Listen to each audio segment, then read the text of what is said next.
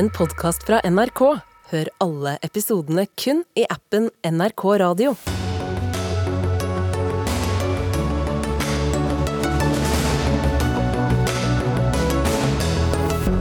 Det offentlige helsevesenet har vaklet, snublet og falt, sier en profilert fødselslege idet han virker, vinker farvel og melder overgang til privat helsevesen. Kloninger av Trond Giskes sosialdemokratisk forum dukker opp flere steder i Norge. En initiativtaker beskylder Arbeiderpartiledelsen for å drive med stalinistiske metoder. Jens Stoltenberg åpner for at Finland kan bli medlem av Nato før Sverige. Hvis Finland går inn alene, er det krise for Sveriges sikkerhet, sier vår Norden-korrespondent. Og var han en grådig spion eller en litt uforsiktig brobygger? Arne Treholts ettermæle diskuteres i kommentarfelt og i Dagsnytt 18. God tirsdagskveld og vel møtt i Dagsnytt 18, altså, der vi også får beskyldninger mot Munch-museet fra noen som mener de driver med grønnvasking. I studio i kveld, Sigrid Solund. Fødetilbudet i Norge er stadig under skyts. Ingvild Kjerkol vil huskes som helseministeren som hadde vakt da det offentlige helsevesenet vaklet, snublet og falt, skriver du i VG. Torbjørn Broch Steen, du er inntil videre i hvert fall overlege ved fødeavdelingen ved Oslo universitetssykehus avdeling Ullevål. Hvorfor denne elendige attesten? Jo, eh, jeg står nå også ved et lite fall. Altså Jeg faller ut av eh, en fantastisk eh, del av et helsevesen som jeg har fått lov til å være i i over 20 år og 19 år med, med fødselshjelp i fokus. Og det har vært svært viktig for meg å slåss og kjempe både for de gravide og de fødende, og ikke minst for oss som jobber i det. Jeg har tidligere påpekt, både i flere kronikker, i kronikker tidligere, at en finansieringsmodell er noe av det som struper oss. Altså at vi rett og slett er nødt til å eh, jobbe for å generere eh, koder og operasjonsmeldinger eh, fremfor at vi kan drive med det vi egentlig vil, som er omsorg. Og når vi nå får beskjed om å jobbe fortere og, og løpe fortere og jobbe hardere, i tillegg eh, til at de kutter eh, jordmorstillinger, så blir det rett og slett for mye. Hva hjelper det at du og andre forlater hele systemet, da? Nei, For min egen personlige del så hjelper det ganske mye. Eh, personlig så har jeg både fått høyt blodtrykk og, og, har slitt med en del symptomer som ikke gjør at jeg kommer til å holde i det. Jeg har holdt så godt jeg kunne, eh, og fremdeles så vil det være i mitt hjerte, og jeg vil slåss eh, med alt jeg kan for å opprettholde god kvinneomsorg, og fødselsomsorg i Norge. Og du er jo ikke den eneste som går. Eh, vi har hørt om jordmødre som skal starte privat. Carl Christian Beking, du er statssekretær i Helse- og omsorgsdepartementet og tar imot denne salven på vegne av Ingvild Kjerkol, som ikke er her. Denne overgangen til det offentlige, da, eller fra det offentlige, hva tror du det er et uttrykk for? Jeg tror det er et uttrykk for en utålmodighet og en frustrasjon eh, over ting som man ønsker skal forbedres. Eh, og så vil jeg si at eh, jeg er ikke helt enig i beskrivelsen av at systemet vakler eller faller, fordi vi har verdens tryggeste fødselsomsorg på alle objektive, trygge kriterier som spedbarnsdødelighet, amming, rift etter fødsel, så går tallene i riktig vei og har gjort det veldig lenge. Det var noen utfordringer under pandemien knyttet til dette med å bli sendt tidlig hjem. og det er klart Der eh, må vi ta et tak for at man klarer å rette opp i. Så Mye av de tingene Brogsten har pekt på, eh, om en mer sammenhengende svangerskaps-, føde- barselsomsorg, hvor det som skjer før, under svangerskapet og etter i barselen, rundt eh, selve fødselsøyeblikket, at det skal henge bedre sammen, det mener vi også må henge bedre sammen. Men vi har sittet et år, og det er ganske store strukturer som skal vendes dersom man klarer å få til det. Men kan ikke du prøve å beskrive hvordan har det endret seg i løpet av de siste to tiårene? da, sånn rent praktisk? Og Jeg har jo vært med på disse tallene og bidratt med det, eh, jeg og mine kolleger. og Vi har jobbet hardt for å få til det. og Det er hard innsats som kreves, men det er også menneskene bak. ikke sant? Eh, og Det som etter hvert nå skjer, er at eh, når vi får beskjed om å løpe fortere og ha for min del fikk beskjed av min leder om å gå vakter til jeg ble 67 med høyt blodtrykk, det går ikke. ikke sant? Så det man mister, er jo sånne som meg.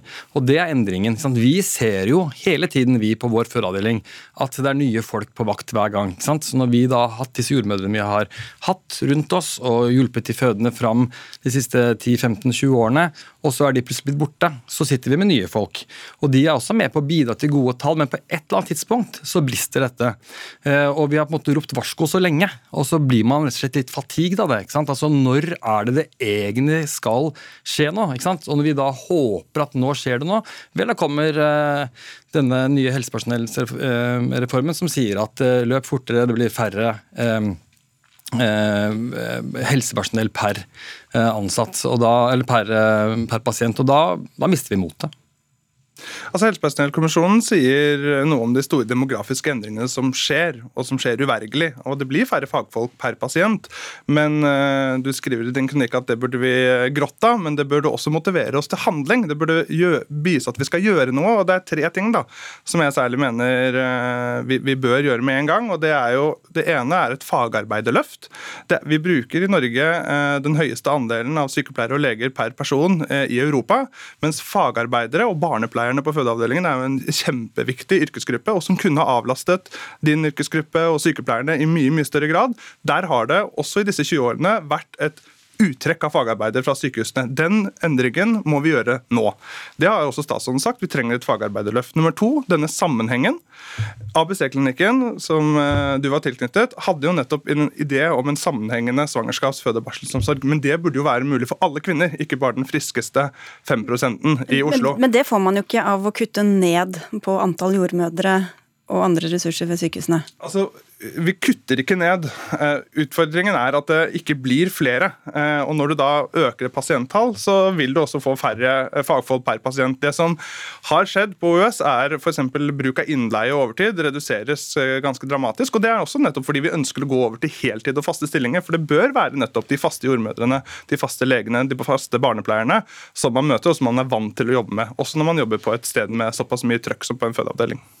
Ja, altså Det som da skjer, er at, er at folk slutter. ikke sant? Eh, og den kontinuiteten som ABC har gitt disse kvinnene, og som eh, for øvrig feilslått alltid sies at det er for de friskeste, det er helt feil. Det er de eh, som ofte har fødselsangst og sykehusangst, og mange av de jeg følger har fulgt i, i 15 år. Men, men, poenget er at de slutter, ikke sant? så man må gjøre noe for å kunne holde. Og for min egen del, da, når jeg skulle fortelle mine ledere at nå er det for mye for meg, så hadde jeg kanskje forventet at det var noen som sto bak og spurte ja, hva, hva, nå, hva kan vi tilby, hva kan vi gjøre for at det skal bli eh, noe viktig for deg å jobbe for videre. Men det fins ikke. ikke Ingen av de tingene eh, nøres opp under. Eh, og For min del da, så må jeg på en måte finne ut hva er det som gjør at det blir best for meg fremover. Men siden du bruker deg selv eh, såpass som du gjør i dette, da, du har jo gjort veldig mye ved siden av jobben også, det vet alle som følger norsk offentlighet. Du har skrevet bøker, og du har jobbet også privat ved siden av det offentlige. Hvordan vet du at eh, denne utbrentheten skyldes akkurat jobben på Ullevål?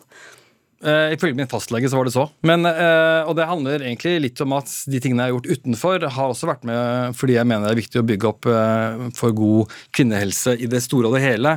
Men, men, det å oppleve å være på en jobb hvor man ikke blir sett når man syns ting er tøft, det, det er vanskelig. Og det er ikke bare jeg som står i. Og hva gjør dere for å beholde folk i det offentlige, egentlig?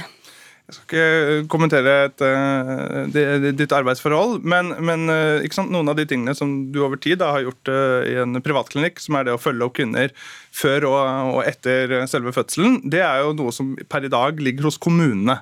Og Her ser vi da på endringer som vi kan gjøre nettopp for, som helsepersonellkommisjonen kaller det, hus- og hyttestillinger. Bør det være mulig å kunne jobbe flere steder med én arbeidsgiver, ha trygge rammer, men fordele den vaktbelastningen det er å gå på en fødeavdeling, på mange flere. Da vil du også f.eks. i Oslo hvor du har mange jordmødre i kommunene, også kunne lette vaktbelastningen for de som går på fødeavdelingen på Ullevål. Og Det vil jo uh, kanskje være et sånt grep som kan gjøre det rimeligere for folk å stå i jobben i lang tid, også til de er 67 og 70 år. Det er et fantastisk grep for øvrig, og som jeg støtter helhjertet 100 og har ment i alle år. Men det var jo, Dere sier jo at dere ser ganske på grunnleggende ting her, Beken, men hvor grunnleggende går dere egentlig til verks? Det var nevnt hele finansieringsordningen, hele foretaksmodellen. altså Hvor, hvor mange steiner snus eh, når dere nå ser på hvordan både fødeomsorgen og andre deler av offentlig helsevesen skal være framover? Finansieringsordning har vi også gitt sykehusene beskjed om å, å, utrede forbedringer av, også i tråd med en del faglig kritikk som også har kommet fra jordmødrene. Eh, men det er klart det er ganske store strukturelle endringer som skal gjøres. Og i alle sånne sammenhenger så må man passe på at man ikke kaster barnet ut med badevannet. Det er kanskje en dårlig metafor i denne sammenhengen, men at, at, vi, at vi gjør det på en måte som også gjør at det bedrer arbeidshverdagen. fordi Helsepersonellkommisjonens konklusjon om at det er færre fagfolk fremover, gjør at vi må være utrolig trygge på at vi bruker legene, kompetansen hos jordmødrene helt riktig. Eh, og det grepet som du har snakket om, det går det an å gjøre, eh, men det krever insentiver, det krever kanskje noen eh, regelendringer, og det krever en endring i måten man styrer sykehusene på. Og Det er klart det er ting vi følger opp ut fra Helsepersonellkommisjonen og også den sykehusutvalget som kommer i mars. Du sier du heier på det offentlige, Broksten. Hvorfor vil du da bidra til en todeling av helsevesenet, som man jo gjør når man har et sånt alternativ? Det er, det er, to veldig viktige grunner til det. Eh, jeg må kunne være i et sted hvor jeg vet jeg både eh, for min egen helse, men også kunne bidra for kvinners helse utover. Eh, I det offentlige i dag så er det vanskelig å kunne gjøre det egentlig du har snakket mye om, og som jeg også applauderer, det å kunne følge folk regelmessig gjennom. Jeg har fått det til, men det har kostet. ikke sant? Det å kunne følge en kvinne fra hun blir gravid og gjennom svangerskapet, er noe jeg har ønsket meg lenge, og som jeg har så vidt klart å få til, men det kosta helsa mi. Og så har jeg da kommet inn eh, på et, eh, et, et, senter som faktisk også deltar og hjelper det offentlige med bl.a. Eh, venteliste på operasjoner osv. Så videre, sånn at det blir ikke meg utenfor det offentlige. Men egentlig vil jo dere innskrenke denne muligheten i det hele tatt, Bekking? Det vi eh, mener er at dersom dette gjøres i det private, så er det betalingsevnen som styrer prioriteringen. Og det å kunne følge noen slik gjennom svangerskapet, det ønsker jeg at skal være mulig for veldig mange, men i alle fall for, for, alle fall for kvinnene som har et virkelig risikosvangerskap, altså som trenger den oppfølgingen mest. Og hvis det prioriteres etter hvem som har betalingsevne, eller som bor på Østlandet, for de fleste privatklinikker de kommer på Østlandet, ikke i resten av landet, da har vi gjort noe grunnleggende feil, fordi vi bør prioritere de kvinnene som har alvorlige utfordringer i svangerskapet. Og hvis du skulle gi et råd til noen som var gravid nå og lurte litt på hva hun skulle gjøre og hvem hun skulle gå til? Ja, Da ville jeg jo vært veldig klar og trygg på at er du gravid nå, så lykke til med en god og trygg og fin fødsel i vårt eh, land med en fantastisk god fødselsomsorg sånn som det er i dag. Helt enig. Alltid hyggelig å ende med litt enighet. Da. Takk skal dere ha begge to. Torbjørn Broch Steen, eh, overlege ved OUS eh, enn så lenge, og Carl Christian Beking, statssekretær i Helse- og omsorgsdepartementet.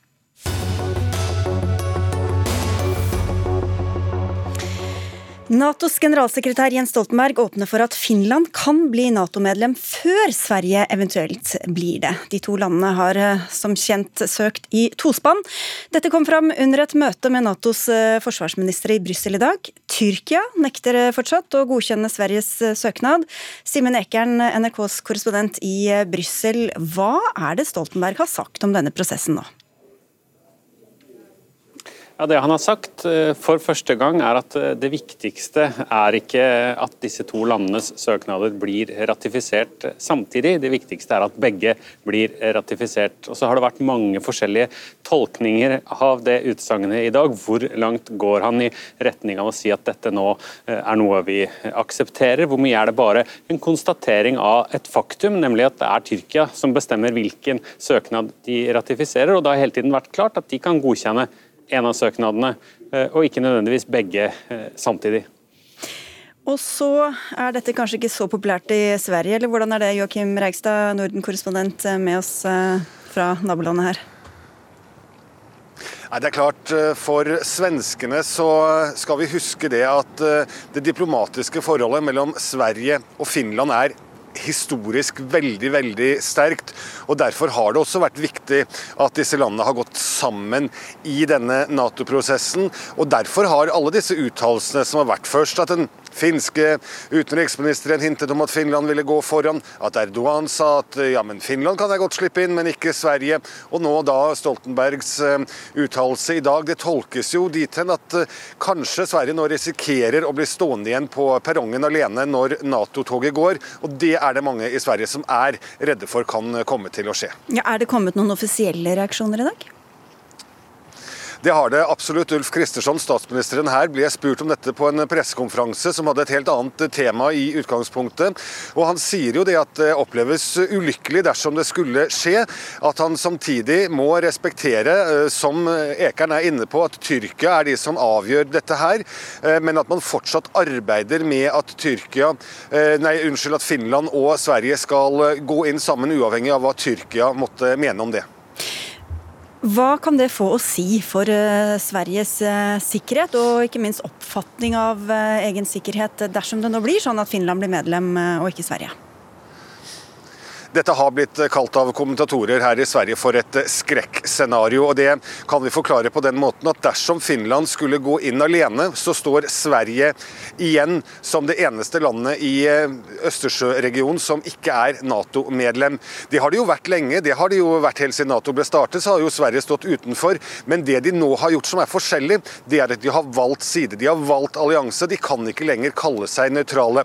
Men fordi de ikke er Nato-medlem ennå, så er de ikke ikke omfattet av artikkel 5 i Natos vedtekter, som sier at et angrep på ett land det er et angrep på hele alliansen. Og Mange er jo f.eks. opptatt av Gotland, en øy som ligger ute i Østersjøen, og bekymret for fiendtlig aktivitet der. Derfor er det at man er så redd for at Sverige skal bli stående igjen alene. Og Det andre i dette her er jo at hvis Sverige blir stående igjen alene og Finland går inn, hvor lang tid vil det da ta før Sverige kan bli medlem? Vil det ta år dersom Erdogan virkelig setter seg på bakbena overfor et uh, svensk Nato-medlemskap? Det er den den store bekymringen.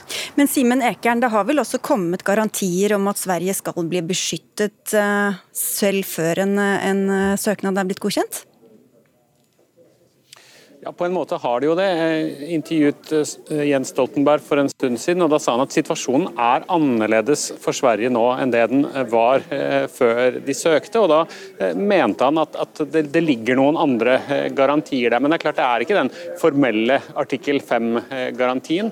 Det betyr bare at man er, arbeider allerede tettere sammen. De er til stede der beslutninger tas. og, og Han gikk vel også nokså langt i å si at kan hende at det vil eh, være andre garantier også. I alle fall formulerte han seg nokså annerledes fra det han gjorde da denne lange prosessen eh, startet. Da var man jo mer opptatt av å understreke hvor viktig det var for Sverige å bli raskt medlem, at det ville utgjøre en eh, stor forskjell. Så her ser vi hvordan språkbruken endrer seg litt, men signalene er vel at man ikke har tenkt å la Sverige stå igjen eh, alene. Nå er det jo heller ingen eh, som eh, antar at en umiddelbar russisk invasjon av Sverige er noe som står på, på trappene. Men Joakim, er det sannsynlig fra finsk side at de vil haste inn i Nato uten Sverige på slepp? Vel, Spørsmålet er nok mer hva som skjer etter valget i Tyrkia i mai og fram til Nato-toppmøtet i juli. Altså Dette vinduet på to måneder som man ofte snakker om er en mulighet for at man kan klare å få ratifisert begge landene. Det som nok fra finsk side har vært mer poenget her, er nok at Finland kan gå inn alene dersom prosessen for Sveriges del ikke kommer igjennom i løpet av den perioden. Altså at Sverige fortsatt ikke er medlem når Nato-toppmøtet starter i Vilnius i juli. Og hvis vi ser ser på meningsmålinger i Finland, så er det jo faktisk et overveldende flertall av den finske befolkningen som ønsker at Finland går alene inn i Nato. De har nok ikke de samme kan man si, forholdene til diplomatiet og til samarbeidet mellom Sverige og Finland som foregår på stats- og regjeringsnivå som, som man har der. Og Derfor er det også at det nok i Finland kommer til å bli vanskelig for statsminister Sanna Marin, som skal til valg nå i løpet av våren, i april, å forsvare at ikke de velger å gå sin egen egen vei og tenke først og fremst på egen sikkerhet, men stå igjen og vente på Sverige. Det er noen av utfordringene som Finland og Sverige står i akkurat nå. Simen, vi må være innom eh, også hva som ble lovet eh, Ukraina fra dette toppmøtet i dag. Eh, Norge sender åtte stridsvogner. De har bedt om kampfly. Hva var løftene til ukrainerne? De har bedt om kampfly. Det får de ikke foreløpig. Alle kommentarene både fra den norske forsvarsministeren og den amerikanske forsvarsministeren var at dette eh, snakker vi ikke mer om eh, akkurat nå.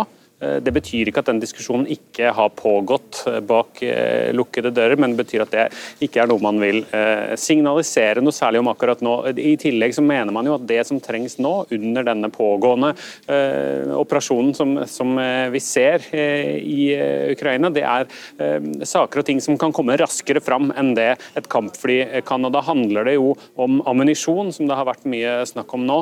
Både hvordan man skal få ammunisjon raskt nok fram til Ukraina, og hvordan man skal få produsert mer eh, ammunisjon i Europa. For det er jo ikke fulle lagre rundt omkring. Så der har også flere land signalisert at man starter ny produksjon, eh, som Tyskland har eh, fortalt i dag, bl.a. Du følger møtet i Brussel. Takk skal du ha, Simen Ekern, og takk til deg, Joakim Reigstad med fra Stockholm.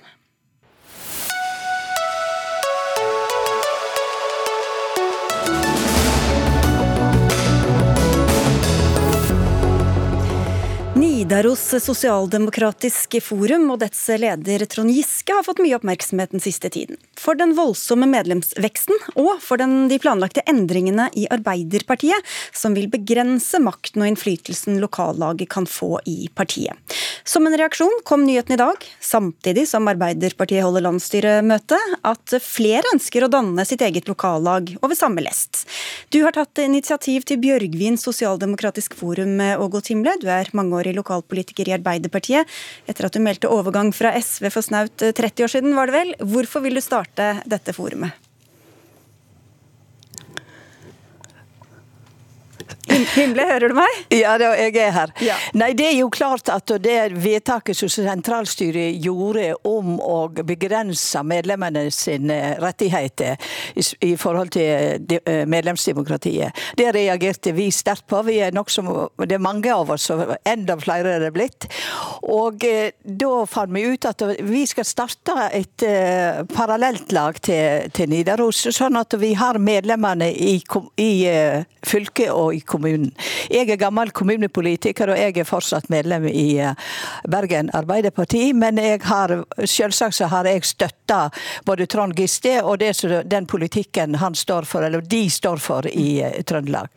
Men eh, jeg, dette med vårt forum er jo like mye å samle veldig mange som er misfornøyd med den linja som Arbeiderpartiet fører nå i forhold til fattigdomsproblematikken og i forhold til strømmen. Begge de tingene er grunnleggende sosialdemokratisk politikk fra slutt etter krigen. Når man oppretta velferdsstaten og fikk sosialtjenesteloven, skulle ingen stå med lua i handa og be om alemisser, sa Gerhardsen. Men du, jeg bare, Hvis jeg kan skyte inn her, for dere skal bruke det som et politisk verksted, hørte jeg. Men det, det finnes jo allerede et sosialdemokratisk forum? Ja, men det blir jo selvsagt et, lokal, et ja. lokalparti. Men, men hvorfor kan dere ikke bruke de partiene som Arbeiderpartiet, og med de rettighetene så følger vi et lokalparti. Men hvorfor ikke bruke lokallagene som allerede finnes i Bergen, da? Nei, for det at Vi tenkte at nå, vi trenger en plass, en arena, for å diskutere den politikken. For det smuldrer liksom bort. Det blir borte. Jeg er jo medlem i Årstad arbeidersamfunn. Og det er jo særlig voldsomme politiske diskusjoner der, i hvert fall. Men nå er jo ikke jeg aktiv, da, fordi at jeg har jo drevet i fjellstova på Voss i 15 år etter jeg ble pensjonist. Og jeg, jeg er jo da vossing i utgangspunktet. og uh, det er mange vossinger som òg vil være med på dette her. Derfor så har vi sagt at vi tar hele Vestlandet, og så lager vi et lag, og så får vi se da hva partiet sier om det. First we take Vestlandet. Henrik Jorem, du er leder av Arbeiderpartiet i Bergen. Enda et lokallag, hva syns du om det? Vi er jo veldig glade for eh, alle som eh, vil engasjere seg i Arbeiderpartiet. Alle som ønsker å bidra inn i partiorganisasjonen, inn i partidemokratiet vårt, og alle som vil bidra til gode sosialdemokratiske løsninger. Det er helt klart. Og Ågot Himle er en politiker med lang erfaring og som nyter stor respekt eh, i Bergen. Så eh, vi er veldig glade hvis hun vil eh, engasjere seg i vårt eh, lokallag. Så hyggelig.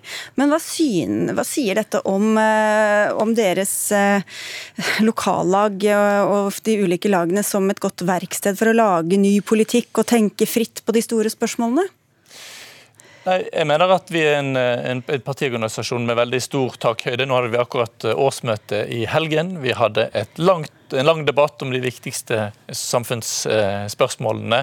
Eh, strøm, eh, eldreomsorg, helse, forsvars- og utenrikspolitikk. Og Det har vi òg gjennom åpne medlemsmøter gjennom hele året. Så, sånn som jeg ser det nå, så er jeg trygg på at vår organisasjon er et stort telt som rommer veldig mange ulike meninger og interesser. Himle. Er du enig? Kan du ikke bare være med på et av de lagene som allerede finnes? Var det til meg? Ja. ja. Nei, det, er, det, kunne vi sikkert Vi er jo medlemmer av et partilag. Alle som er medlemmer i Arbeiderpartiet, er medlemmer av et partilag. Men alle de som nå har tatt kontakt med oss, og så er vi sier nå inviterer vi de til et åpent møte i Folkets hus gamle sal i kongressenteret på tirsdag klokka seks. Jeg må bare vente på den bekreftelsen fra kongressenteret at det er i orden.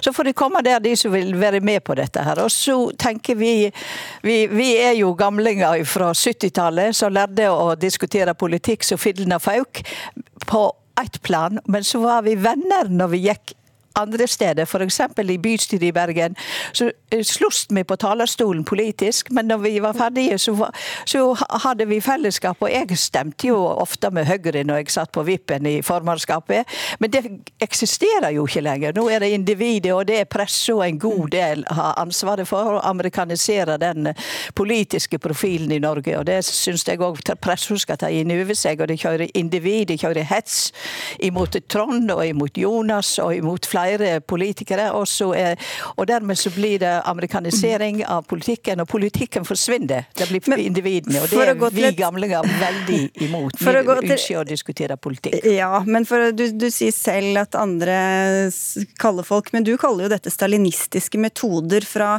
Arbeiderpartiets uh, side, da? Ja, det er jo det organisatoriske begrepet, grepet som de tar når de gjør det vedtaket og sier at du kan ikke Du har ikke, eh, du får ikke noe uttelling i, i, Trøndelag. Og det er spesielt i forhold til delegasjonene til, til landsmøtet. Og det er jo det som Det er jo en vanlig metode å bruke ifra, hvis du skal stoppe politiske motstandere. Hvis ikke du klarer å ta det på politikk, så tar man det på organisatoriske grep. Og dette er et sånt organisatorisk grep. Som jeg mener vi kan føre tilbake til Stalin. De drev jo på med det på 30-tallet. Han gikk jo mye lenger da og tok livet av folk, men det gjør man jo ikke i Norge. Nei, Vi får se hvor det ender. Jorem, hva sier du? Stalinistiske metoder? Jeg tror ikke jeg skal kommentere akkurat eh, det, men, eh, det, men det er jo sånn at eh, de, de, endringene som, som nå er foreslått du, du, ja, men du Kan du ikke kommentere det, da? Stalinistiske metoder fra ditt eget uh, sentralstyre? Nei, altså dette, Nå skal dette frem for, når det er debatt i landsstyret om dette forslaget. Det skal legges frem for landsmøtet, så får vi se hvilken behandling det får der. Men jeg mener at vi må snakke mindre om vedtekter, og vi må snakke mer om politikken vår. Og det tror jeg faktisk at vi er enige om. Ja. Og nå har jeg akkurat vært med i Arbeiderpartiets energiutvalg, og vi har sittet sammen med kunnskapsrike, dyktige mennesker fra hele landet i Arbeiderpartiet. Og vi har utarbeidet forslag til prinsipper for en ny Arbeiderpartipolitikk på energifeltet. Og det mener jeg bør være den viktige debatten vi tar på landsmøtet. Ja, nå skal det jo, det var Også i Arendal er det noen som vil starte sitt eget forum. Jorem, du, du, sa at du vil ikke sette foten ned, men bør alle som vil det, lage egne lokallag under Arbeiderparti-paraplyer? Altså, dette, må, dette, må, jo eh, vurderes fra kommuneparti til kommuneparti. Hos oss er det sånn at årsmøtet godkjenner opprettelsen av nye lag. og Det er jo rett og slett fordi at skal du inngå i den paraplyen som Arbeiderpartiet i Bergen er, så følger det visse plikter og rettigheter med det. Du har plikt til å opprettholde en viss aktivitet, og du har rett til en viss mm. økonomisk og administrativ støtte. Så, så dette må jo vurderes eh, lokalt. Hvis du klarer å svare kort, Ågot Himle, hvordan kan dette ses på som noe annet enn en fraksjonering internt i partiet? Vi driver vi driver en åpen politikk. Fraksjonering det foregår blant, bak de lukkede dører. Og vi driver ingenting bak de lukkede dører. Vi er helt åpne på hva vi mener og hva vi tenker. Og det skal være en åpen diskusjon. Og det er jo det som kanskje har prega den eh, Som er viktig for å, å fremme demokratiet. Og, men eh, fraksjoner de drives på, de, de drives på, på bøttekottet og bak i, i kulissene, og det driver ikke vi med. Vi, vi må si tusen takk til dere to, begge to fra Bergen, og Himle og Henrik Jorem. Vi setter over til deg her i studio, Berit Strøy Rollborg. Det var ingen i ledelsen i Arbeiderpartiet som kunne være her, fordi de er jo på landsstyremøte, hvor du også har tilbrakt deler av dagen. Og det var dere som først brakte denne saken om dette lokallaget til torgs. Hvordan mottas dette av delegatene på møtet i dag? Nei, nå, nå, har jeg bare snakka litt løst med noen av de jeg har møtt. Men det er klart at eh, det er nok en litt sånn Jeg tror nok i Arbeiderpartiet så syns man at dette er krevende. For man ønsker jo for så vidt alle medlemmer velkommen, men det at man skal ha seg liksom egne organisasjoner i partiet, som også da tar representasjon fra andre partier, sånn som vi har sett i Trondheim. Det tror jeg mange syns er krevende. Og I Trøndelag er det jo nå sånn at mange av de små lokallagene blir mindre representert fordi Giske-partiet er blitt så stort. Og så tror jeg nok, skal jeg være helt ærlig, at det er en viss sånn eh, slitenhet av en del av dette som nå kommer i partiet. De ønsker å på en måte De har landsstyremøte i dag, Støre skal holde tale. Og så er det nok en, en sånn eh, fløy av dette partiet som riktignok ikke Giske har starta, men som er i forlengelse av Så det er klart at det blir mye støy rundt eh, dette, denne partidannelsen, kan du Eller eh, fraksjonsdannelse, jeg vet ikke hva jeg skal kalle den egentlig. Hva, hva slags dilemmaer har da partiledelsen og de andre altså, om hvordan de skal håndtere dette for å gi det mer oppmerksomhet, mindre oppmerksomhet, slå ned på det, la det leve? Nei, altså jeg tror de står i et dilemma hvor de på den ene sida ser at det er, liksom, det er, en del nye medlemmer som kommer inn, som ikke ville vært i Arbeiderpartiet. På den andre sida så går det også utover den demokratiske representasjonen fra det partiet som er der allerede fra før av. Det ser vi jo nå i Trøndelag. Fordi at de blir så mange at de på en måte de, de eser ut og tar på en måte en del av representasjonen til de andre. Så, så dette, er et sånn, dette må de som organisasjon forholde seg til. Og så er det klart at også det bråket og mye av den kritikken som kommer internt i, i disse foraene, da, for det er jo Ågot Hil, Hilme sa i stad at det ikke er noen lukka forum, men det er jo et svært eh, Facebook-forum der hvor de diskuterer Arbeiderpartipolitikken. Det, det er riktignok utafor selve Nidaros parti, men der, der, går det for seg så fillene fyker, altså. Og der blir jo ingen av Arbeiderpartiet sine sentrale politikere omtalt særlig pent. Mm. Det gjør de ikke. Men i selve partiet, da, de som faktisk tilhører Arbeiderpartiet, hvor populær er Trond Giske nå? Nei, altså Min oppfatning er at uh, i Arbeiderpartiet så har det jo vært noen som ikke har vært så veldig glad i Trond Giske, og så er det noen som har vært veldig glad i han. Men at kanskje også de som på en måte har uh, vært hans tilhengere nå, kanskje begynt å bli uh, litt trøtt av en del av det som skjer. Og så tror jeg veldig mange har lagt merke til det som den, den statistikken som faktisk var i en kommentar av Kjetil Brage Alstein i Aftenposten, som viser at faktisk Giske er relativt dårlig likt både blant dagens velgere, men også ligger han på topp i, i mislikthet blant de som har forlatt partiet. Så også de som har forlatt partiet, eh, kan vi tenke at syns at det blir rett og slett for mye Giske i alle kanaler. Kort til slutt, eh, Berit. Det har også vært murret om at eh, Arbeiderpartiets mektige sentralstyre består av for mange folk i storting og i eh, regjering. Kan endringer her også bidra til å roe gemyttene hos noen av dem som syns det blir for mye? Ja, det kan nok godt hende. fordi at når Arbeiderpartiet kom inn i regjering, så var det veldig mange fra både storting og, og sentralstyret som kom inn i regjeringsposisjoner. Og, og nå sitter det i sentralstyret er det veldig få som ikke har noen posisjon sentralt i regjerings- eller stortingssystemet deres. Og det er det nok en del som syns at man burde hatt en endring på. At man burde hatt flere lokale stemmer som kom inn. Så jeg tipper, og det er det som jeg hører, at det vil komme flere sånne lokale stemmer inn. Så man så å si har noen som kan jorde da regjeringsledelsen. Og, det skjer på landsmøtet? Det tror jeg nok skjer på landsmøtet. Takk skal du ha, Berit Aalborg, politisk redaktør i Vårt Land.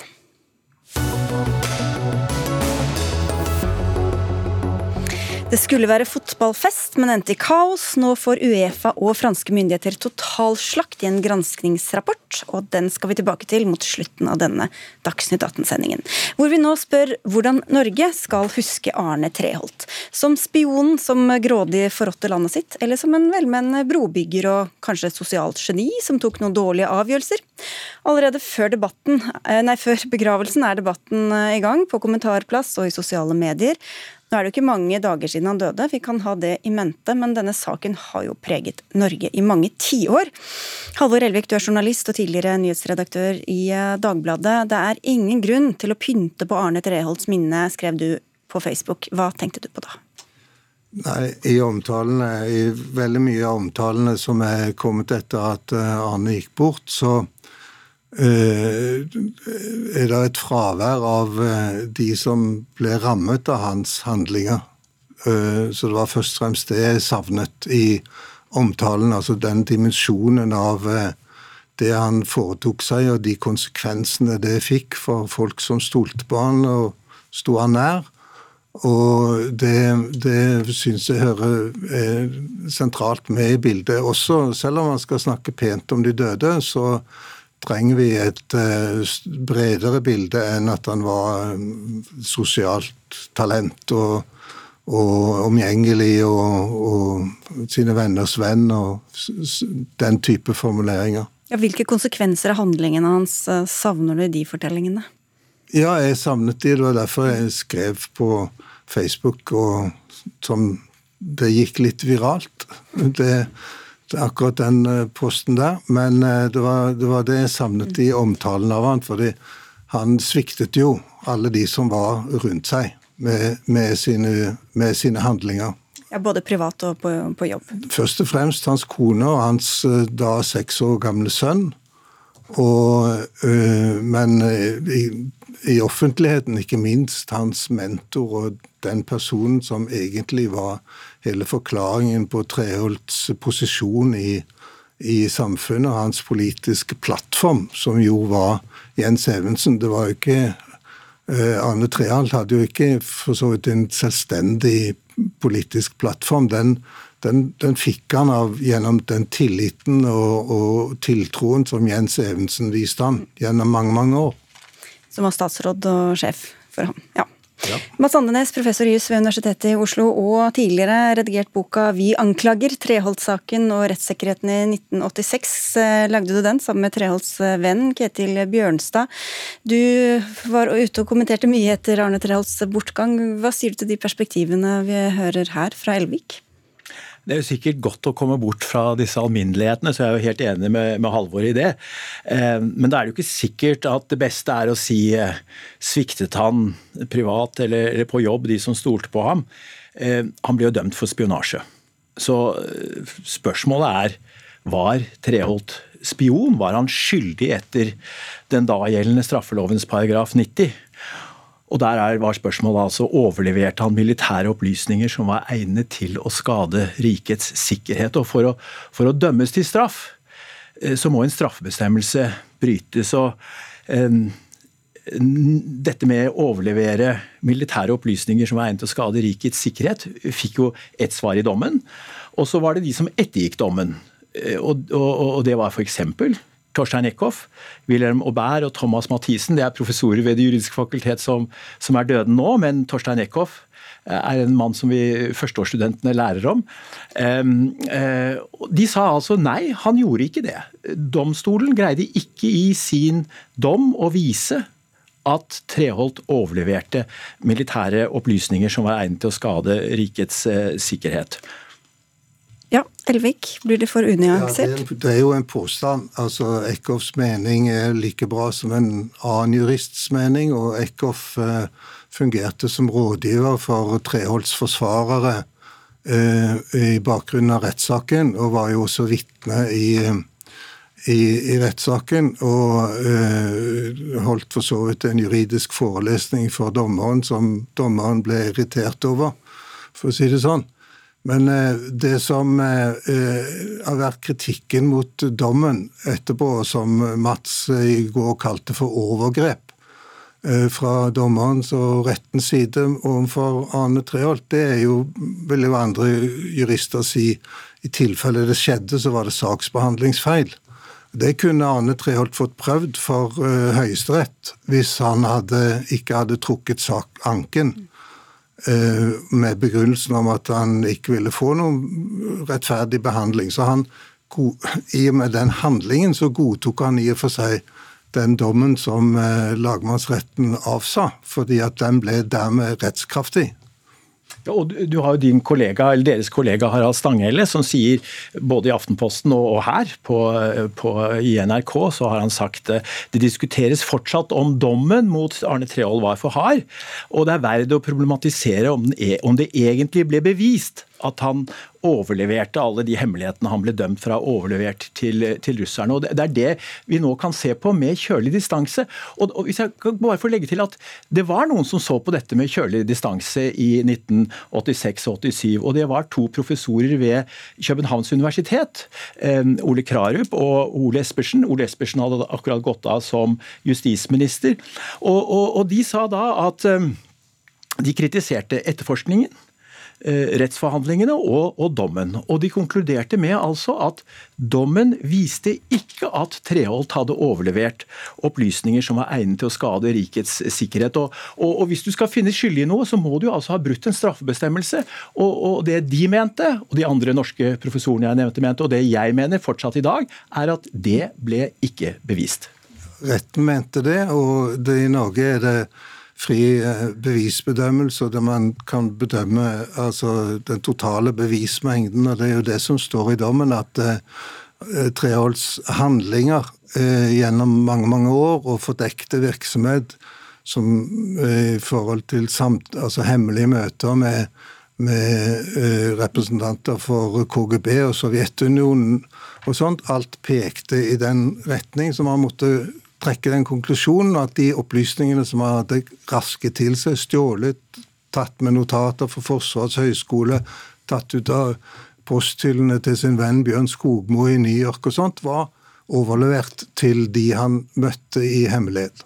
Disse debattene har jo gått i mange tiår. Hva sier det at vi fortsatt sitter og har dem til og med etter Arne Treholts bortgang? Fordi han er det et av de aller fremste symbolene på en, den kalde krigen som varte i 40 år og dominerte i egentlig hele etterkrigstiden uh, for, for, uh, for vår generasjon. og Eh, som nå, etter 91 og Sovjetunionens kollaps og sånt, selvfølgelig kommet mer på avstand, men da, da levde vi under en, eh, en, konkret trussel om atomkrig og det store Armageddon. Og dermed så var på en måte alt eh, sto på spill. Altså var en, det var en voldsom trussel. Og når man gikk imot altså opptrådte fordekt og, øh, og, og gikk i tjeneste for en fremmed makt.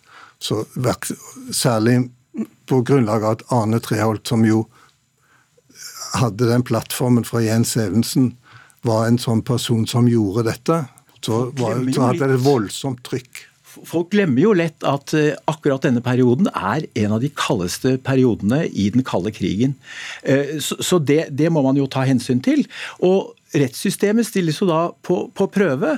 Og det eh, dem jeg har nevnt, og jeg selv mener, da, det er at rettssystemet sviktet. Og så kan du si ja, det gjør den jo også i andre saker. Vi har hatt eh, Tengs, eh, Baneheia-saken.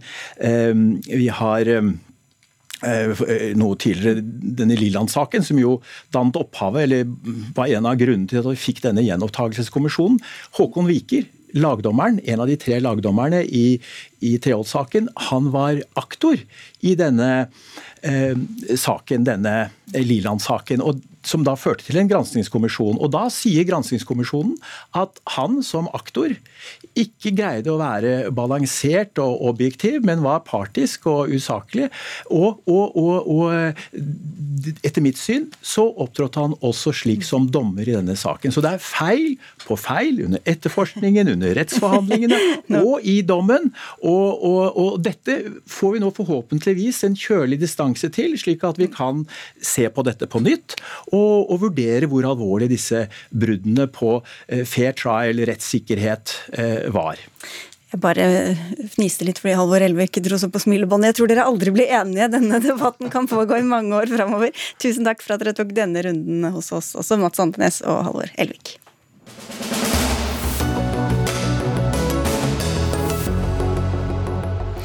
Nikki Haley lanserer seg som presidentkandidat for republikanerne. USAs tidligere FN-ambassadør er dermed den første i partiet til å si høyt at hun stiller mot Donald Trump i presidentvalget neste år. Tove Bjørgaas, korrespondent med oss fra Washington DC, minn oss på hvem Nikki Haley er. hun er altså Trumps tidligere FN-ambassadør og tidligere guvernør i den viktige republikanske delstaten Sør-Carolina. Hun er 51 år gammel, og hun er datter av to innvandrere fra India. Eh, og hun er relativt moderat vil jeg si, i det republikanske partiet, men jobbet altså for Trump. Og Hvilke sjanser levner du henne? Ja, eh, Det er jo andre kandidater her. Nå, er jo selvfølgelig Trump allerede inne i, løpet, og hun er den andre som altså kaster seg ut i denne valgkampen. Det er andre kandidater vi venter at kommer til å stille som, som nok eh, det er knyttet høyere forventninger til, som f.eks.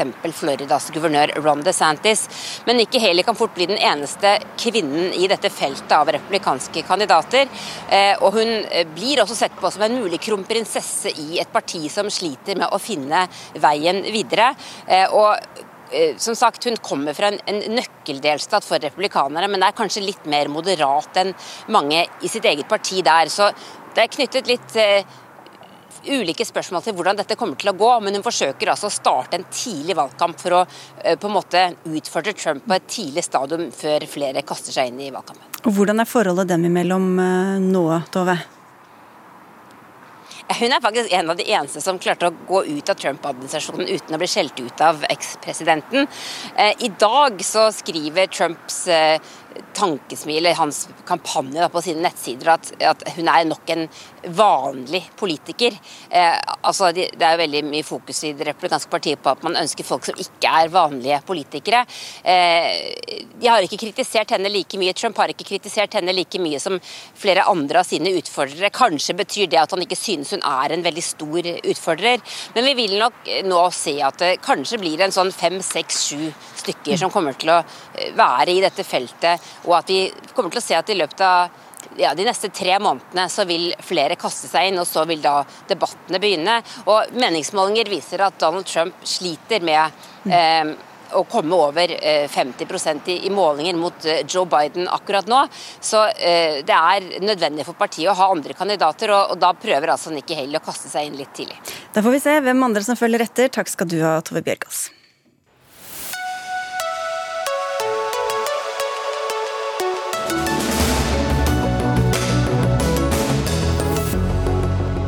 Er det penger fra oljebransjen som skal til for å konservere Edvard Munchs eh, 'Skrik'? Munch-museet har bestemt seg for å forlenge avtalen med japanskeide oljeselskapet Ide Mitsu Norge AS i fem år til, skriver Klassekampen i dag.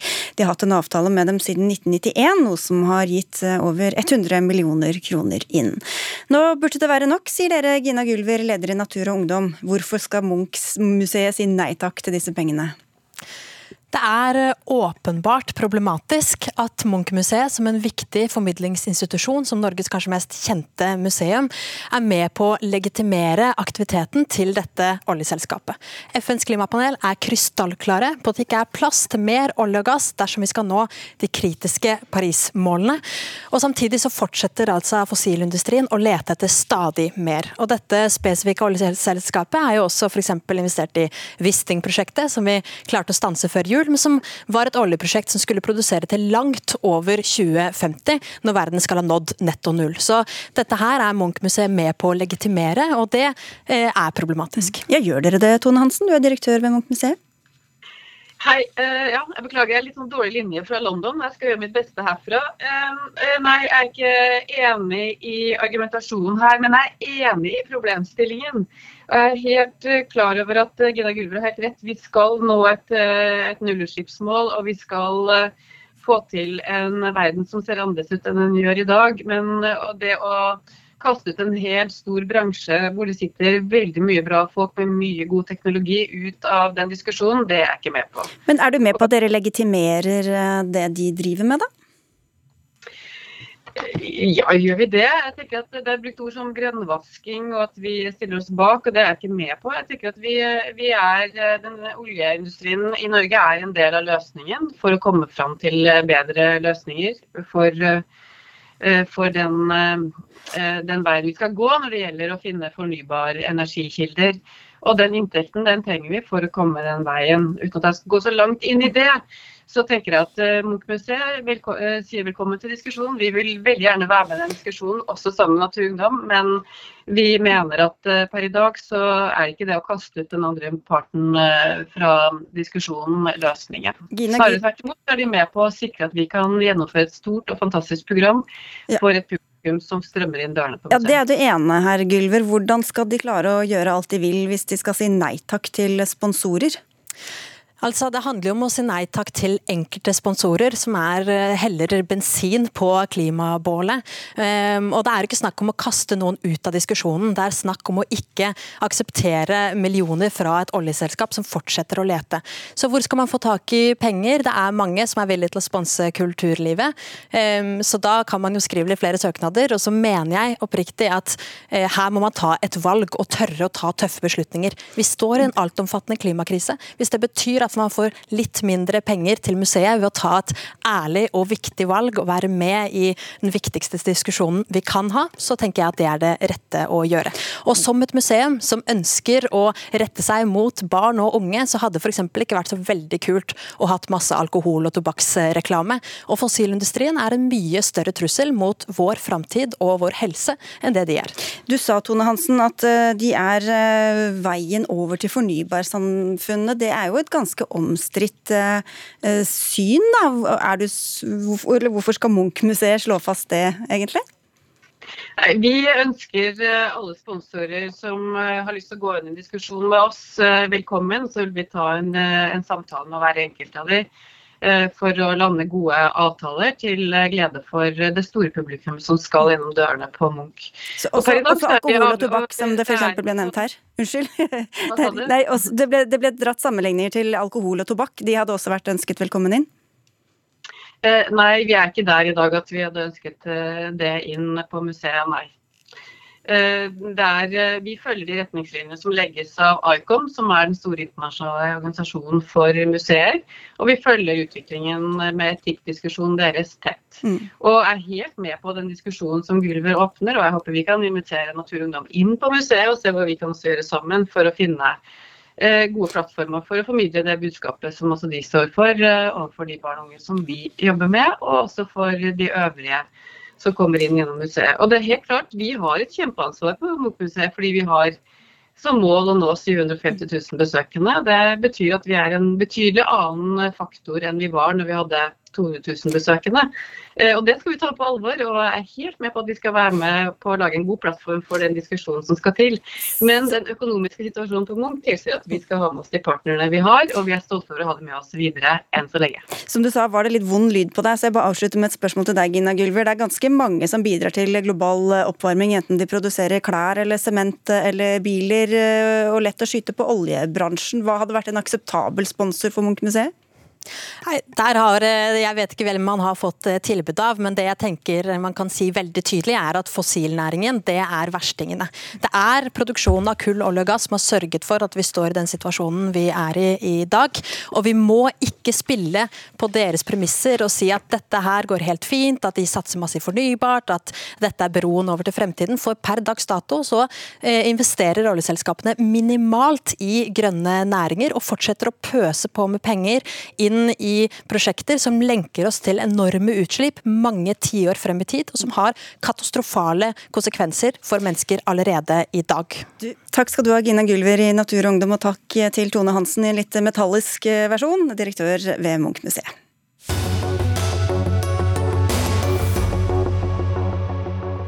De hadde sett fram til en festkveld, fotballsupporterne som hadde tatt turen til Paris 28. mai i fjor. Der skulle de se Champions League-finalen mellom Liverpool og Real Madrid.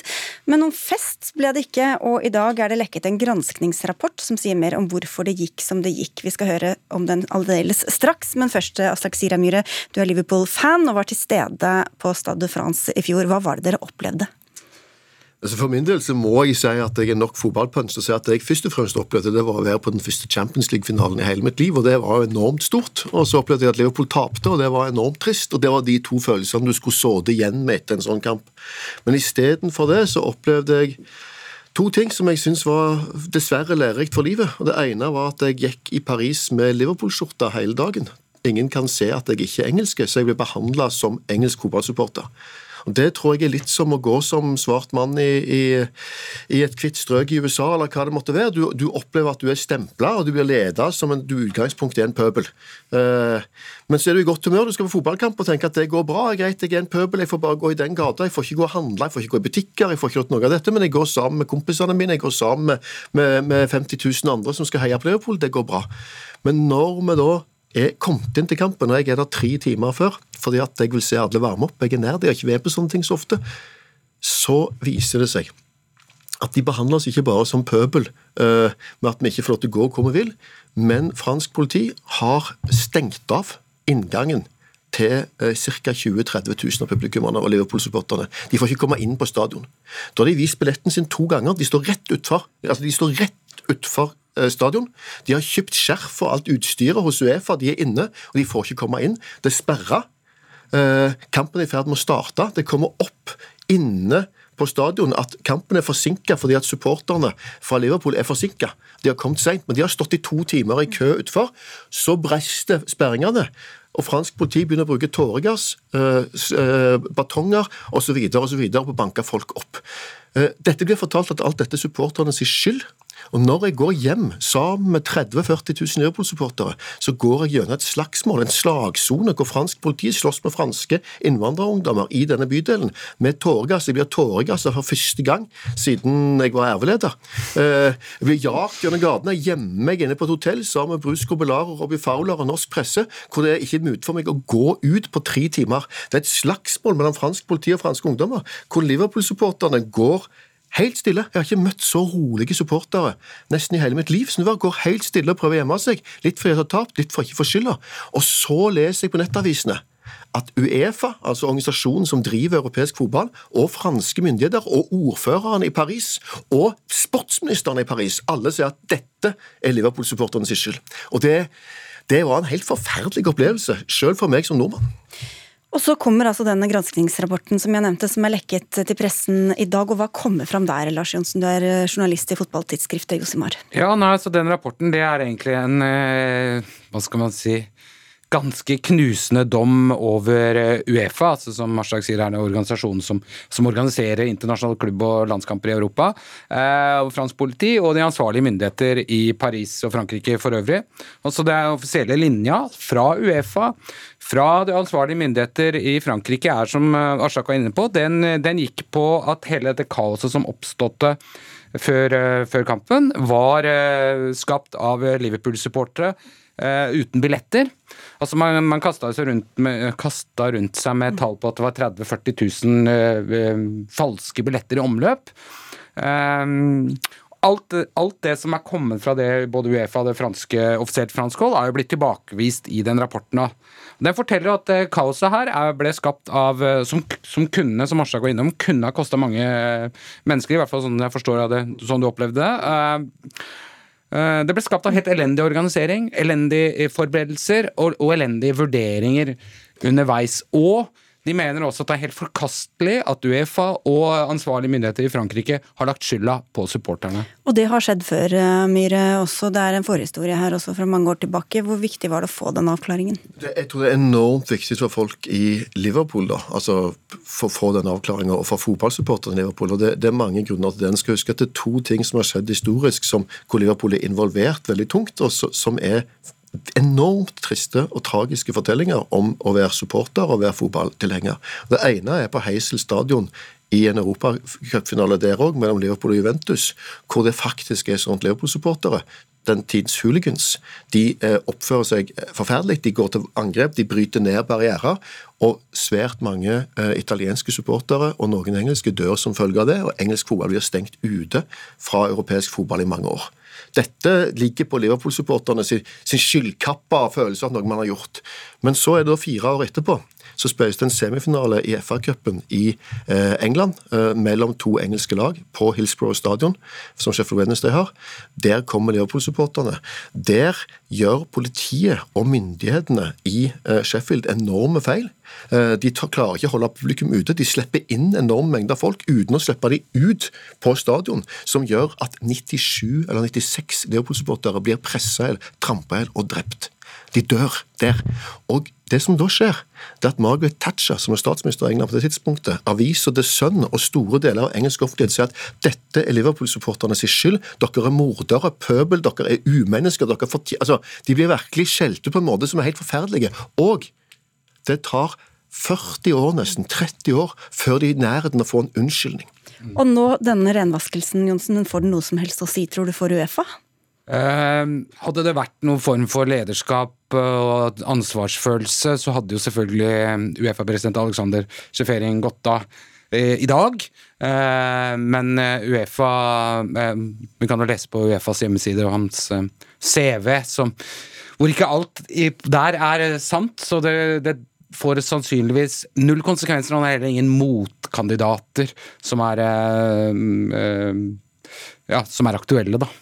Men en viktig avklaring likevel. Ja, det er en viktig avklaring, men det avklarer òg en annen ting, og det er ganske viktig. og Det er at europeisk fotball og verdensfotballen den er korrupt, det er det ene, men den er òg klassedelt. Den er òg delt på at supporterne, og særlig de engelske supporterne, og særlig de som er vanlige i dette, de er verdt ingenting i forhold til de som styrer det. Og det er veldig tydelig for folk i Liverpool i alle fall.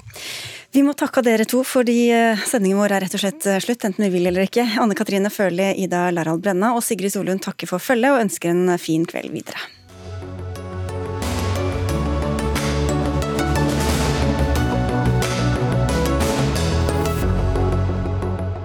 Du har hørt en podkast fra NRK. Hør alle episodene kun i appen NRK Radio.